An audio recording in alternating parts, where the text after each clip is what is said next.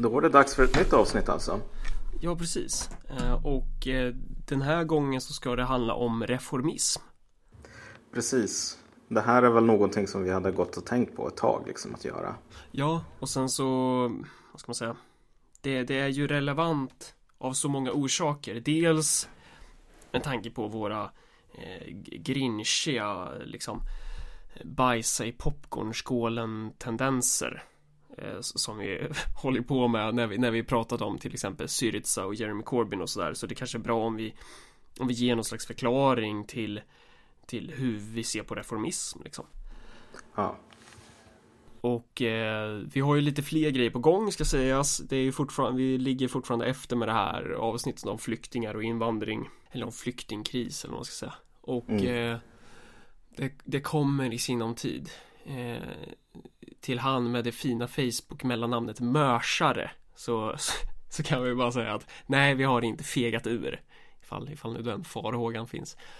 Och eh, sen ska vi också spela in ett avsnitt om extremism eh, i ganska snar framtid. Ehm, ja, vad fan. Eh, man kanske också ska säga vad det är för dag idag. Eh, beroende på när det här avsnittet kommer ut. Vet Det är den 29 september, en tisdag. Det ser man. Um, ja, men vad fan, nu kickar vi igång det här då. Um, avsnittet ska som sagt handla om reformism. Och uh, innan det här avsnittet spelades in så sa vi, jag vet inte, jag tror det var Corbyn-avsnittet som vi uppmanade folk att läsa två texter. Varav den ena texten var The Many Lives of François Mitterrand. Som man kanske ska uttala på franska, jag vet inte hur det François Mitterrand Kanske man säger då, genom näsan liksom. Precis, ja. eh, som, han, låter det vara osagt tror jag. som handlar om den franska socialdemokratiska presidenten. Eh, Och sen så har vi eh, Reformismens omöjligheter Som, som har getts ut av Centrum för marxistiska samhällsstudier. Och den handlar ju om det som titeln så fint beskriver På något sätt eh, Frågan är så här, varför gör vi sånt här avsnitt? Det kanske jag redan besvarar i och för sig Men, men eh, Varför gör vi det? Ja, därför att liksom, om, man ska vara, om man ska vara väldigt krass så det här är reformism, revolution är en sorts liksom tomma behållare idag. Eller typ invektiv. Det är antingen någonting som är förenat med liksom, att man kastar det i ansiktet på andra. Typ du är jävla reformist, du är en jävla revolutionär. Eller någonting som är tätt uppbundet med identitet. Till exempel den, den ena säger Din jävla dryga sosse och den andra svarar Din dryga leninist Ja, just det, ja, precis. Hint, hint. Ja, och det där tycker väl inte vi är så himla... Vad är ordet jag letar efter? Det är väl inte så himla konstruktivt. Och därför är det liksom värt att faktiskt förklara vad de här termerna betyder och vad vi menar när vi till exempel säger att typ Corbyns reformism inte kommer att lyckas. Därför att de flesta människor skulle bara säga ja men Corbyn är reformist. Det betyder att han är dum i huvudet och så vidare. Han, han spelar för fel lag. Det är därför vi hatar honom. Och jag fick liksom den här frågan på Ask FM. Så här, var din och Marcus invändning mot Corbyn verkligen att han inte är Lenin? Och jag bara, nej, nej. Så det illustrerar ju kanske vikten av att faktiskt ta och göra ett avsnitt om det här. Ja. Ja, ja, men vad fan, verkligen eh, Och sen, det här med att liksom Man håller på och kastar så här olika etiketter på varandra eh, Även liksom de här Som tror att de är så jävla revolutionära Även de tenderar ju också att vara Reformister. Att så här, reformismen dominerar fortfarande stora delar av svenska och europeiska vänstern eh, Inklusive de som gör anspråk på begreppet av att vara revolutionärer. Det första som vi behöver göra här liksom, är ju att ta de här orden, reformism kontra revolution och typ ta dem från att det ska vara typ djurläten så här. En katt som typ morrar eller någonting och så kan man bara på, på ljudet höra att det här är något dåligt eller bra och faktiskt få det här att vara riktiga ord med någon sorts mening så. Liksom, som betyder någonting. Och det, precis som de flesta orden så förändras ju betydelsen liksom, genom tiderna. Så. Men reformism kontra revolution var till en början inte någonting, en, en, fråga om identitet främst, utan det var en fråga om ett taktiskt avvägande.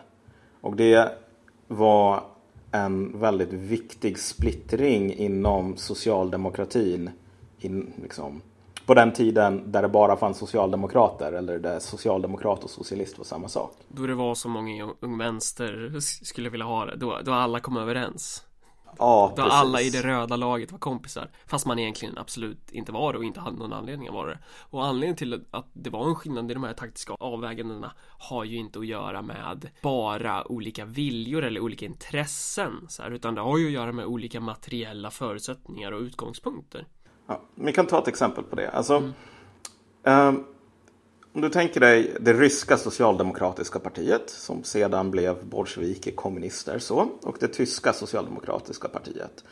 Skillnaden mellan reformism och revolution som taktiskt avvägande blir ganska tydligt där. Mm. Därför att Tyskland så hade du det mest avancerade socialdemokratiska partiet som var verkligen the big daddy av alla socialdemokratiska partier. Alla såg upp till det här partiet och så vidare. De hade sin egen begravningsbyrå, sin egen liksom, tidning, ja. allting. Det var liksom nästan en stat inom staten. så. Mm. Och hela tiden, med, det här var liksom en tid där rösträtten fortfarande var ganska begränsad. Mm. Så att du var tvungen att ha så, så mycket land till exempel. Men det där, tendensen var att fler och fler fick rösträtten. Och de resonerar så här. Kolla. När typ alla får rösträtten och det inte spelar någon roll hur rik du är. Det finns mycket mer arbetare än vad det finns aristokrater. Och arbetarna, de röstar på oss via arbetarpartiet. Så att vi kommer alltså få nycklarna till staden och liksom nycklarna till självaste staten med tiden. Så att vi, vi, kan, vi behöver egentligen bara fortsätta vara arbetarpartiet och jobba för utökad rösträtt, allt det där. Och sen så kommer vi att nå en position där vi faktiskt har, liksom, kan ta över staten. Mm. För, eftersom, eftersom de var så pass jävla mäktiga liksom.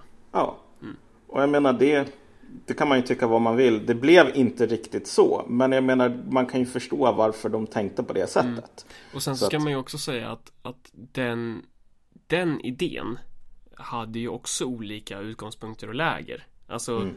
eh, det som man slås av i efterhand om man läser så här Rosa Luxemburg och de här Alltså de revolutionära delarna av det här partiet mm. Är ju hur otroligt självgoda de är Och, och hur otroligt de är, de är De är verkligen på det klara med, men vi kommer klara det här Alltså vi, mm. vi kommer verkligen fixa socialism typ eh, Eh, och gentemot de här reformistiska, revisionistiska delarna som liksom Bernstein, han som ses som typ socialdemokratins fader eh, Som verkligen leder in socialdemokratin, eller han är väl tongivande när det gäller att leda in socialdemokratin på det här spåret Så, så menar ju Rosa Luxemburg att Bernstein, Bernsteinisterna, de är i minoritet mm. eh, Att det är ingen så här De är bara några sopor liksom som, ja. som senare visade sig Ja det här visade sig bli hennes död några år senare. Liksom. Men, men hur som helst, typ.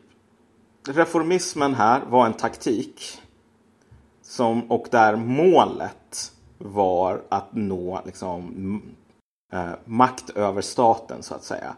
Ta det och så tänker du dig hur läget såg ut i Ryssland där du fortfarande hade ett autokratiskt tsarvälde där partier liksom var förbjudna. Och du ser ju att hela idén med att ja men vet du vad, vi behöver bara vänta på att typ tillräckligt många människor röstar på oss. Inte är... Den, den, den liksom... fungerar ju inte i... i... Nej, är ju, man precis. är ju fullkomlig idiot om man tänker så i Ryssland liksom. Precis. Men målet för de ryska socialdemokraterna mm. var ju fortfarande detsamma. Mm. Men det, det var ju bara en fråga om hur man skulle nå dit. Precis som, jag vet inte om jag ska sätta upp en fågelholk. Och så har jag en verktygslåda. Och så väljer jag ett verktyg istället för ett annat. Mm.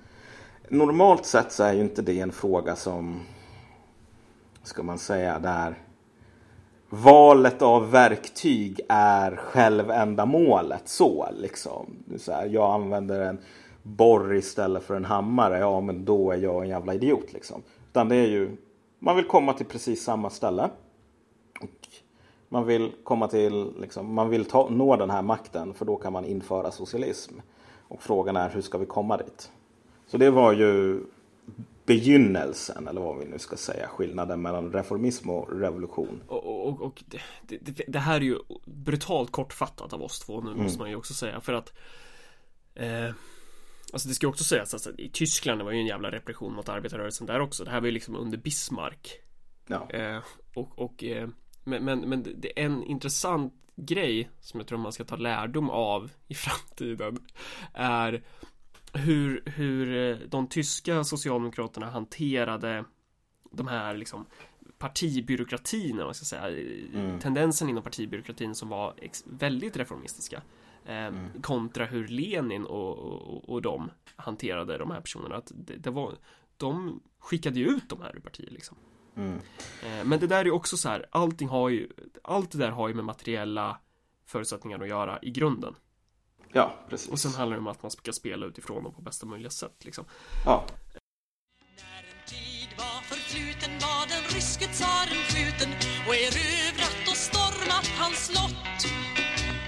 De härskande klasserna gick under för massorna och skördade vinden de sått.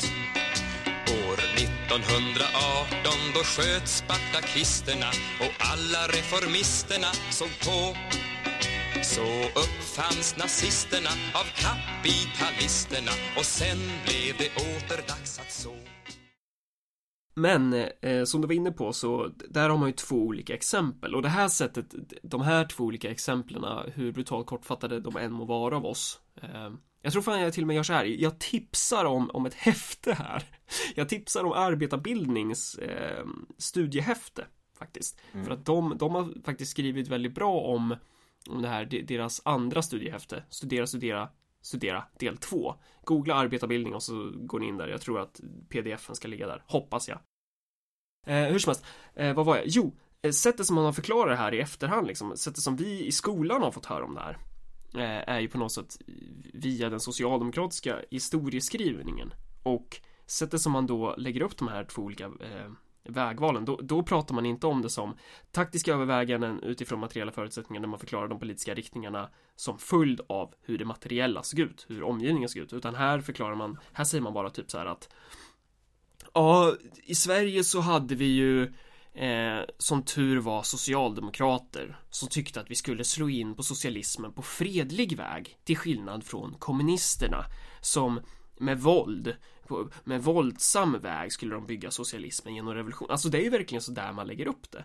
Och då blir ju resultatet på något sätt att revolutionär, det är någon som säger jag vill ha revolution ja. därför att jag vill ha revolution. Ja, jag gillar våld. Typ. Ja, precis. En reformism, reformist är någon som säger jag vill ha reformer därför att jag gillar reformer. Liksom. De här taktiska verktygen mm. blir självändamål. Um, och det är de ju rent praktiskt liksom idag. När folk talar om så här, ja ah, men du är reformist, du är mm. revolutionär. Då brukar man egentligen mena det. Alltså typ, ja men vilken vilket politiskt lag tillhör mm. du? Liksom? Och resultatet blir ju när, resultatet blir ju ganska löjligt många gånger när man frågar så kallade revolutionärer. Typ så här. Okej, okay, men varför behöver vi en revolution? Så får du egentligen inget svar. För det här ska vara liksom uppenbart. Ja, det, det står ju i böckerna. Ja, precis. Men jag menar liksom rent konkret. Revolutioner, alltså mm. oavsett hur nödvändiga eller balla vi tycker att de är. Det är inte roliga grejer. Nej. Du kan åka över till Ukraina idag och så kan du se att det är fan inte så jävla kul där liksom. Så att om du ska försöka sälja det här till människor och du bara, ja men vi behöver en revolution. Varför då? För att vi behöver det. För att det är kul, det är bra. Då kommer folk tycka att du är en jävla idiot. Ja, verkligen. En annan sak, eh, fan vad vi förenklar det här med tyska arbetarpartiet, men, men vi får göra det helt enkelt. Men, men så här, även där så fanns det, alltså i en distinktion mellan så här reformism och revolution, liksom när det väl begav sig, eller man ska säga. Om man ska försöka eh, formera de här till två slags idealtyper, vilket alltid såklart är farligt att göra. Men en, en viktig eh, skiljelinje är ju så här att den ena, det reformistiska liksom lägret, man ska säga, reformisterna brukar se, de brukar prata om vägen till socialism. Att, mm. Sättet de har pratat om att man skulle slå in på vägen till socialism och fredlig väg. Det är ganska reformistiskt i sig själv. För att det implicerar att det är en rak väg, liksom att det finns en kontinuitet i det här. Och avviker man från vägen, om man kör ner i diket så är det bara att dra upp bilen och köra igen. Bara kör vidare liksom. med Medan det mer marxistiska, alltså revolutionära är att, att försöka se härleda typ det hela utifrån idén om kapitalismens sammanbrott. Att så här, en revolutionär omdaning sker i, när kapitalismen bryter samman i, i ett kaos liksom.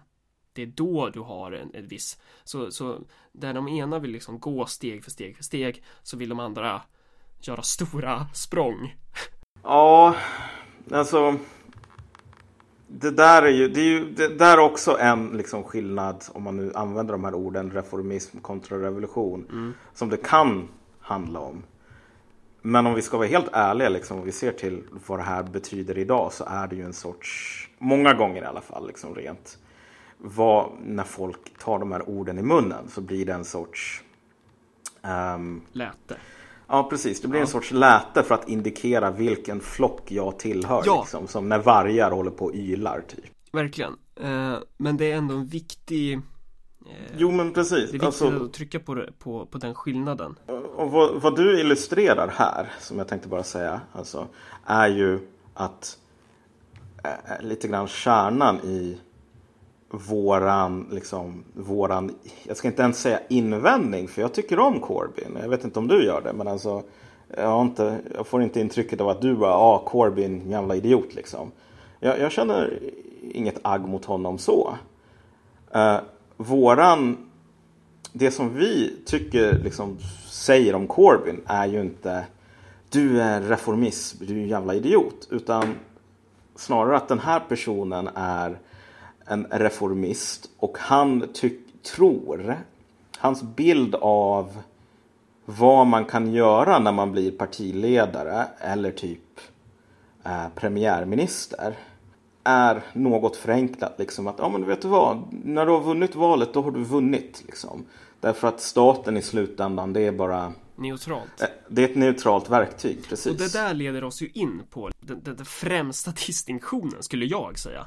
Mm. Och det är att så här, eh, det är synen på staten, förhållningen till staten. I skolan får vi ju lära oss att så här att drar man ett, ett rakt streck över tavlan och så långt bort till höger säger man Ja, här är de som gillar frihet, de tycker om eh, alla ska ha frihet.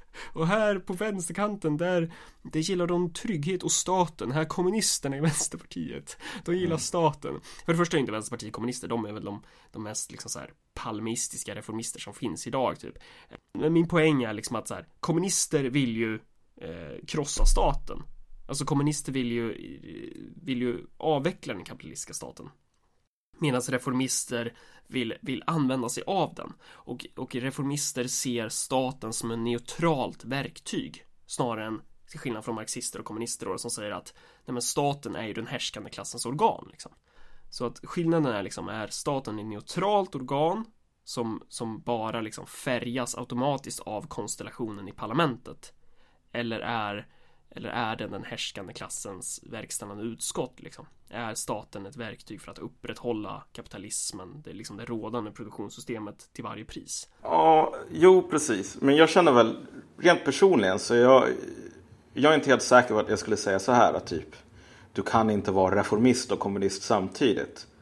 Alltså för att det här är ju i slutändan också en sorts fråga om kan jag, om jag vinner 60% av rösterna eller någonting sådant. Har jag rent praktiskt möjlighet att införa någon sorts liksom ett annorlunda samhälle eller så? Alltså om vi tänker oss det här bara som fast, en fast fråga om... Fast då snör vi ju in oss på vad vi menar med definitionerna. Eh, och det är det som är grejen att så här, eh, Det jag menar med definitionerna är, eller så här, Dit jag vill komma är egentligen ganska enkelt och det är bara att statuera ett exempel för våra lyssnare. Att eh, antingen ser man staten som ett neutralt organ eller så ser man staten som en härskande, liksom, härskande klassens utskott eller som ett, som ett organ som inte är neutralt snarare. Ja men precis. Men jag tror man kan se det som den härskade statens utskott och sen tänka att, oh men vet vad, om jag gör det här så kan jag ändra på det. Det vill säga man vill ha kakan men äta den. Ja, jag vet inte. Alltså, Jo, absolut. Det, det, det, det är ju möjligt att man, om jag förstår det rätt här, man kan ju väl, man kan ju tro och prata om det liksom. Att staten är den härskande klassens utskott. Det är ganska lätt att säga, det är ganska lätt att tycka också. det är också ganska lätt att säga, ja men vi behöver bara krossa staten. Ja, det är också jävligt lätt. Men, men frågan är liksom så här. Antingen så tycker man det eller så tycker man inte det i, i, liksom, i slutändan. När man Ja. väl kommer till, till vägskälet. Ehm, för det där vägskälet är fortfarande där och det är själva poängen.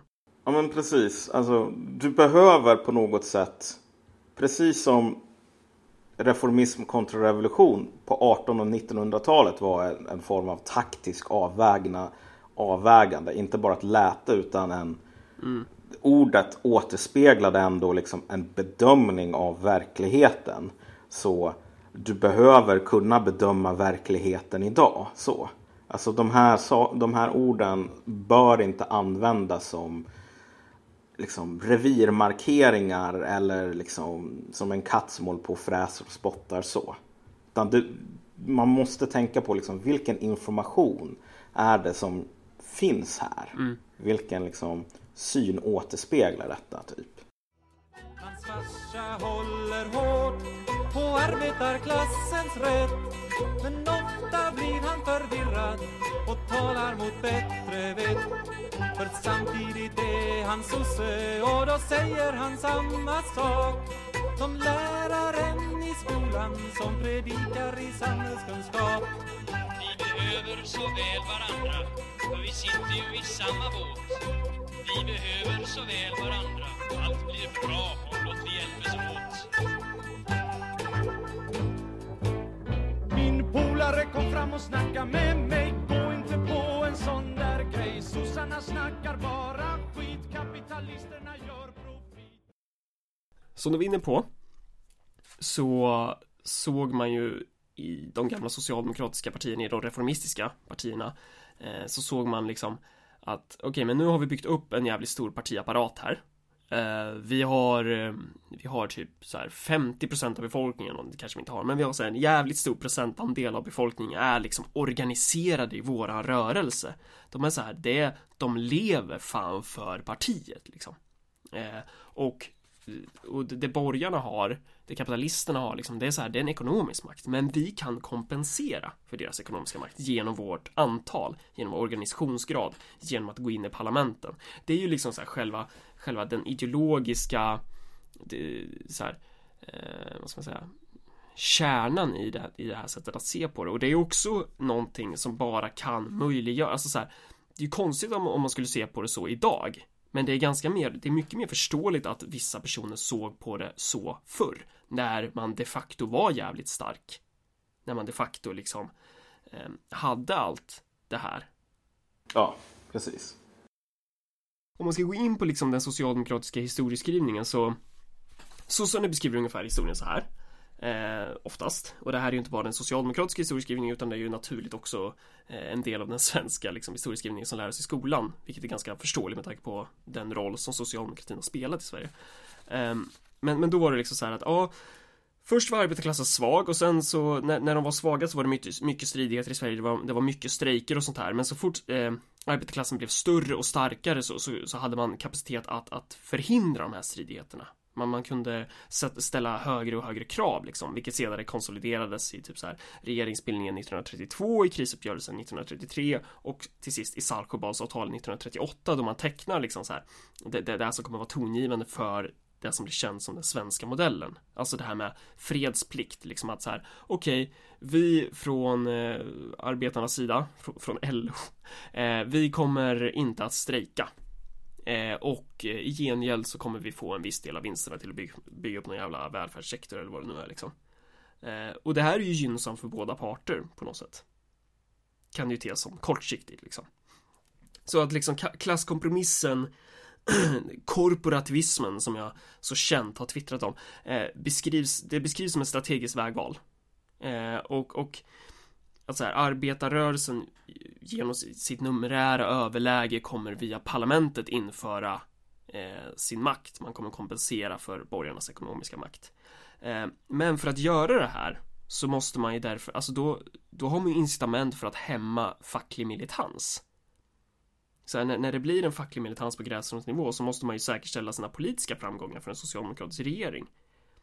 Eh, och därmed framgångarna för välfärdsreformer som genom staten då ska flytta fram positionerna. Så därmed har man ju också en förklaring till varför man går in i till exempel eh, strejkerna uppe i gruvorna i norr på 60-talet till exempel, eller vad det, vad det nu är för konflikter som man så här där Socialdemokraterna eh, går jävligt hårt åt facklig militans och så vidare.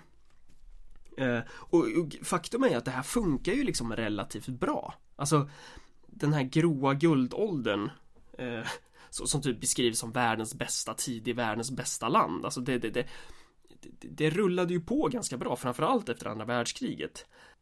Tills dess eh, att det blev kris i, i kapitalismen. Men precis, det rullade på mest för att alla tjänade på det. Och därför att du hade förutsättningar som liksom drev även regeringar som inte var socialdemokratiska runt om i Europa att göra i princip samma grej. Du kan ta något som arbetskraftsinvandring till exempel. Alltså anledningen till att vi hade arbetskraftsinvandring, inte bara i Sverige utan typ i Frankrike och så vidare, man bara sa till folk kom hit, kom hit. Det var ju på grund av att man kunde inte få nog med arbetare så. Så att, och det var också så här liksom folk, vi måste se till så att folk skaffar mer barn. Varför då? Jo, för att du vet, vi har inte nog med barn i Sverige så att vi kan stoppa in dem i fabrikerna. Precis, alltså det var, tillväxten var så pass, ja det var verkligen en boom. Ja, kan du tänka dig att folk skulle säga samma grej idag? Så här, vi måste ha vi måste be mödrarna mm. att göra sin plikt, skaffa fyra, fem barn var. För annars så kommer Sverige gå dåligt för Sverige. Och, det som sker under de här åren är ju på något sätt så här. Det, det, man, man, behövde inte, man behövde ju knappt strejka. Eller ja, det är klart man behövde strejka. För fan, folk, folk dog ju fortfarande på arbetsplatser och sådär. Och det var fortfarande liksom, det var inte frid och fröjd så. Men det var ju ändå så här att din, din lönehöjning, den rullade ändå in. Mm. Så här, du behövde inte göra någonting. Det fanns ingen motprestation. Det fanns inget incitament för kamp i det här projektet egentligen. Klart att det också fanns, men, men så här. Jag tror man förstår min poäng att så här, när, när, du menar att, eller när du säger att alla tjänade på det så, så, så fick arbetarna fick ju hela tiden lite, lite mer smulor liksom. Även om, om kapitalisterna behöll själva kakan. Ja, och jag menar, du vet om socialismen, till och med Machiavelli insåg ju problemet med typ att hålla på och, och, och, och skrika om socialism i Sverige på 70-talet. Just på grund av att om du har någon sån här stor fin reform som du tänker dig så det är jävligt svårt att driva igenom dem politiskt. Därför att det finns alltid massor med människor som är investerade i status quo. Men det brukar finnas ganska få människor som är så, vad ska man säga, missnöjda med status quo så att de är beredda att dö för det. Och visst, man kunde ju säga, ja men kolla tillsammans liksom. Det visar att Sverige på 70-talet, det var världens helvete så. Det kanske det var i och för sig. Men det är ganska mänskligt att ta det säkra före det osäkra mm. liksom. Men som att allt, allt är liksom frid och fröjd i Sverige enligt den här historieskrivningen eh, fram tills 1973 då oljekrisen slår till eh, och slumpen attackerar på alla fronter samtidigt. Och vad är det som händer? Eh, sossarna tenderar, och inte bara sossarna, alltså all, alla som på något sätt har köpt den här historieskrivningen som, som dominerar inom svenska vänstern förklarar det här med att ja, men det blev en hög inflation och då går det upphov till nyliberala ideologer som börjar liksom så här angripa det socialdemokratiska projektet eh, och man ska ha liksom arbetslöshetsbekämpning framför inflation, man vill vända på dem. Mm. Eh, och så den här kritiken om att den offentliga sektorn är för stor, den är improduktiv och så vidare. Vi behöver eh, privatisera den, avknoppa den och så vidare. Eh, typ så här att helt plötsligt så bestämmer sig bara näringslivet för att skaffa tankesmedjor och börja bedriva en ideologisk kamp. Och sen av någon konstig anledning så börjar så här toppsocialdemokrater eh, att börja använda sig av den här ideologin. Eh, typ så här Kjell-Olof Fält och Erik Åsbrink som, som då ska ha gått bakom ryggen på den evigt helgonförklarade och oskyldiga Olof Palme.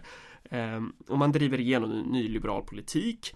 Eh, det här kallas ibland för liksom så novemberrevolutionen 1985. Då man menar på att då ska man ha gjort en kupp inom socialdemokratin för att driva igenom det här. Ehm, och sen så blir det, leder det här sedermera till en bostadsbubbla eh, och en kris i början av 90-talet. Men då har Svenskt Näringsliv eh, på grund av sin ideologikamp lyckats befästa sin berättelse om att problemet i själva verket handlar om det socialdemokratiska projektet snarare än deras egna liksom, kampanj.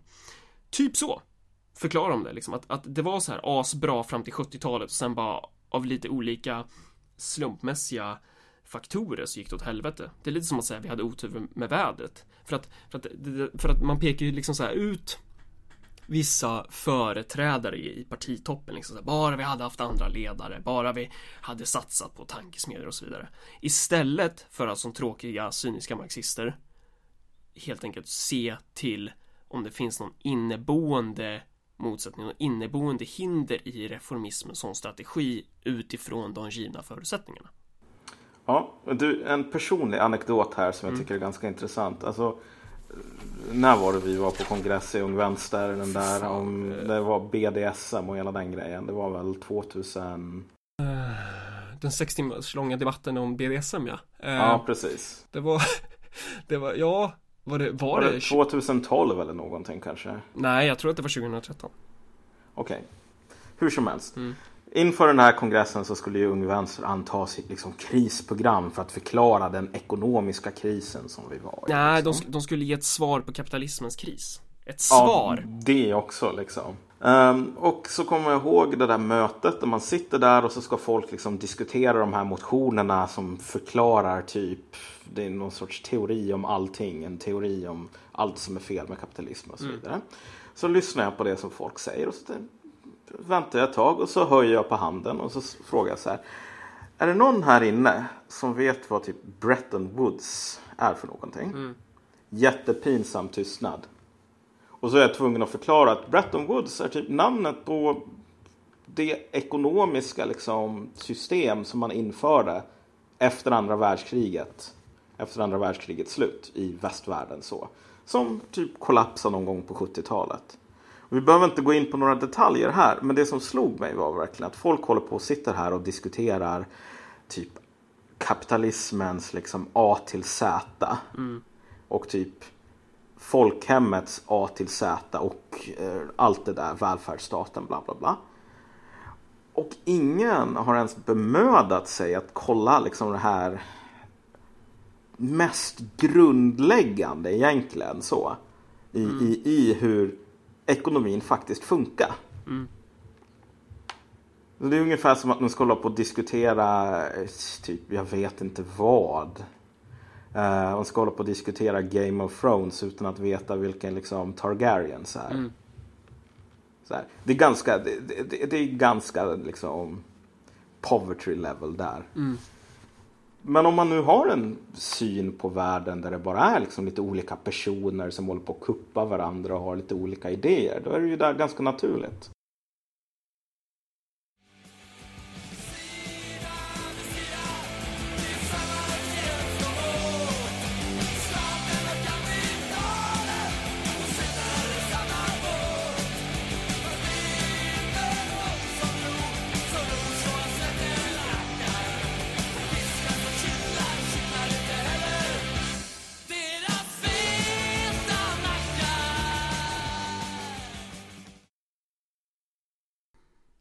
Fan, nu kommer jag på en annan grej. Jag vet inte om vi sa det här i början, men så här, det ska ju sägas också. Alltså reformismen är ju mer än bara socialdemokrati. Alltså det är ju, ehm, alltså så här, keynesianism. Du är inne på det här Bretton Woods-system. Alltså det här sättet att den här sortens ekonomiska policy, det var, det var ju någonting som uppbars av fler än bara socialdemokratiska regeringar. Ja. Det här var ju någonting som drevs på av de så kallade eurokommunisterna i Västeuropa och så vidare. Alltså de här eh, alltså, av liberala regeringar, av, av konservativa partier. Alltså, ja, det, det var det är en bred enighet kring det här. Det är ingenting som är unikt på något sätt. Även om det kanske var ett starkare projekt i Sverige och hade en mer socialdemokratisk prägel. Eh, en, en kul anekdot från den här kongressen är för övrigt att vi från Ung Vänster Örebro eh, de där erkinska surpupporna motionerade om att vi inte skulle anta något svar på kapitalismens kris för att vi var för dåliga helt enkelt. Vi, Mm. Ung Vänster är inte ens kapabla att kunna tänka i de banorna. Eh, då blev det dålig stämning. Eh, och sen så Ja. varade debatten i 45 minuter och sen blev det något jävla trottesvar typ. Och sen så var det sex timmar om BDSM istället. Men det är, Ja, det är en off topic. Hur som helst. Den här historiebeskrivningen vilar ju på ett antal antaganden och nu har jag, här, här rippar jag rakt av från reformismens omöjligheter som jag tycker att alla bör läsa.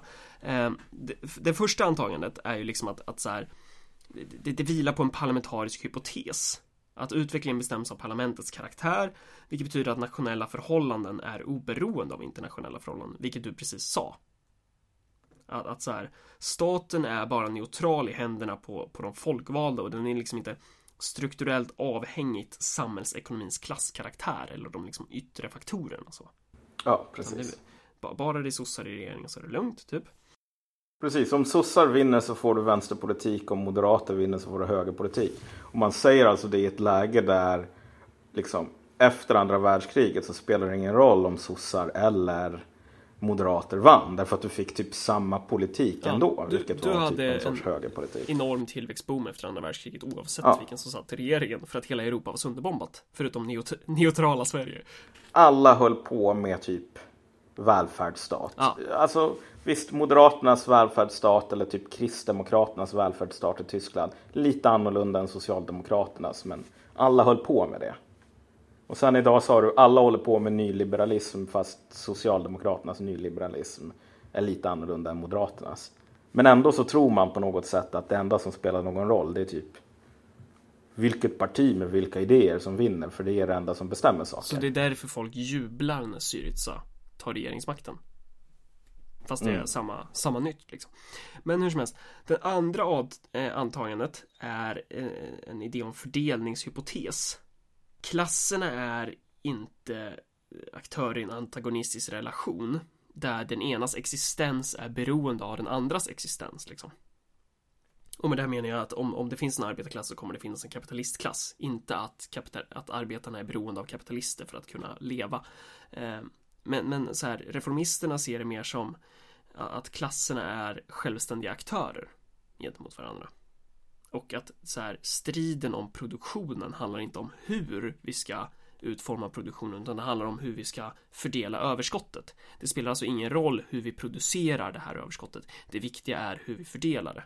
Ja men, det, ja men precis. Ja men alltså det finns typ arbetare och sen så finns det kapitalister. Och så kan man göra någon sorts klassresa som alla håller på och skriver om på kultursidorna och hur jävla viktigt det är med klassresor. Men själva systemet som helhet är inte bestämt av egentligen att det finns klasser och vad de håller på med sinsemellan. Utan de bara finns där av någon Ja. anledning. Och sen om någon gör en klassresa så innebär ju det att någon annan inte gör det liksom. Ja, nej men precis. Alltså att du vet, man... Det, det finns så här olika bitar, men man har inget egentligt intresse av att koppla ihop de här Nej. och se att det här är en motor som bara fungerar om bitarna är i liksom... Det, det, det hela är en produkt av bitarna tillsammans, inte bara att Ja, nej, men av någon anledning så finns det arbetare och av någon anledning så finns det chefer liksom.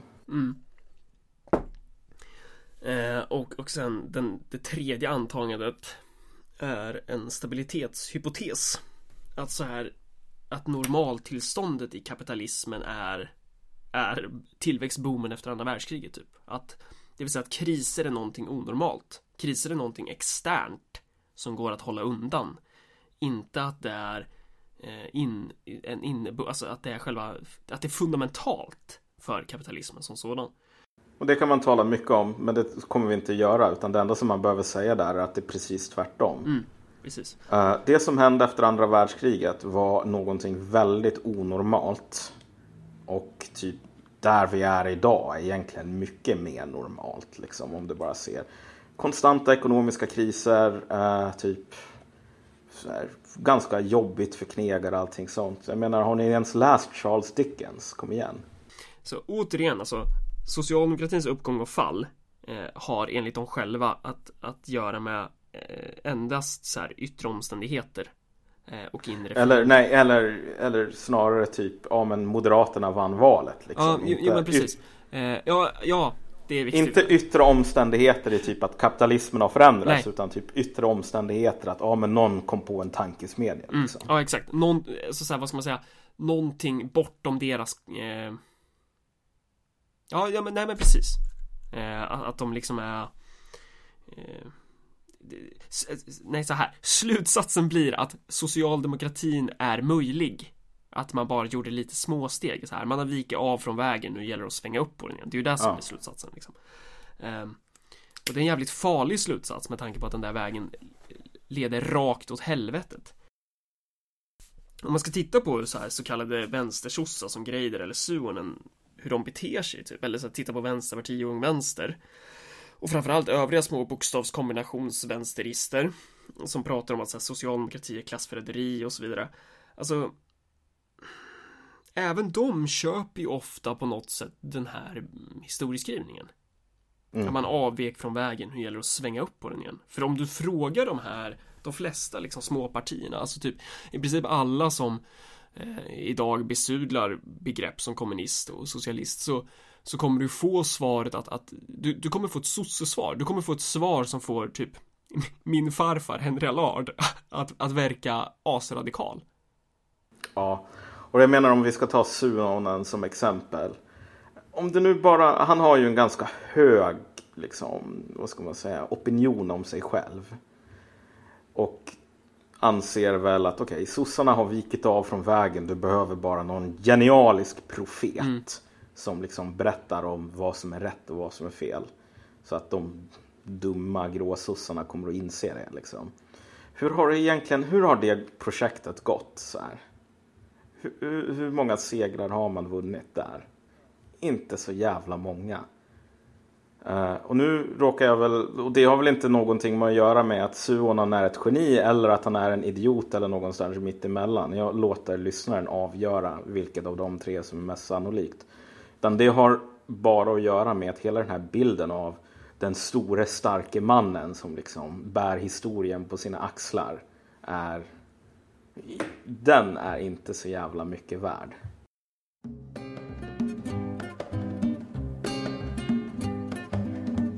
Somliga går med trasiga skor Säg vad beror det på?